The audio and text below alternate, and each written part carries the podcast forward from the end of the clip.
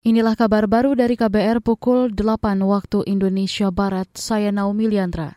Pemerintah tidak akan ikut campur terkait penghentian Liga 2 dan 3. Menpora Zainuddin Amali menyebut saat ini sedang mendiskusikan bagaimana caranya perkuat lagi terutama peran dari Federasi peran dari PSSI melalui Inpres. Kita akan kuatkan PSSI, kita akan kuatkan Asprop-Asprop, kita akan kuatkan klub-klub tentu sesuai dengan aturan yang ada dan tetap berlandaskan kepada statuta FIFA dan PSSI. Artinya, pemerintah tidak ikut campur, tetapi pemerintah memberikan dukungan untuk percepatan pembangunan persepak bolaan nasional.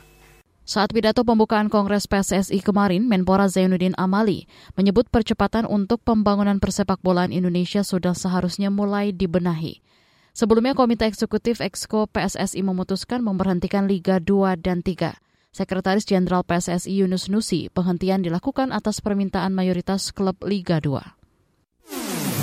Kabar Pemilu Kabar Pemilu Partai Buruh berencana mengajukan uji materi terkait ambang batas pengajuan calon presiden 20 persen. Uji materi dilakukan Partai Buruh agar dapat mengusung capres dan cawapres sendiri untuk pemilu 2024.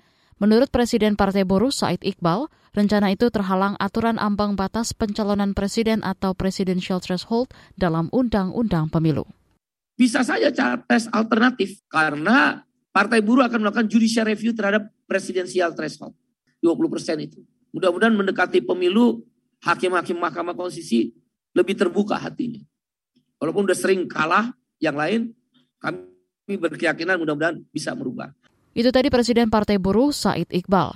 Sebelumnya juri bicara MK Fajar Laksono menegaskan judicial review terkait presidential threshold tidak pernah dikabulkan hakim, meski berulang kali digugat partai politik.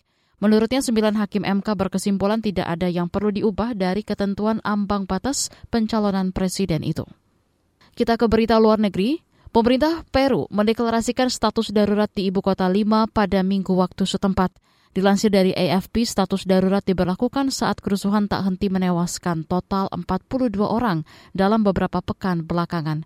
Berdasarkan dekrit yang dirilis di surat kabar pemerintah, status darurat itu akan berlaku selama 30 hari.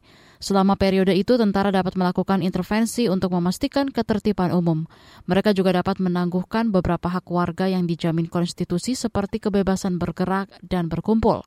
Konflik politik berkepanjangan dalam beberapa bulan terakhir memuncak setelah Presiden Pedro Castillo dimakzulkan Desember lalu ketika berupaya membubarkan parlemen. Penggantinya Presiden Dina Boluarte juga didesak untuk mundur.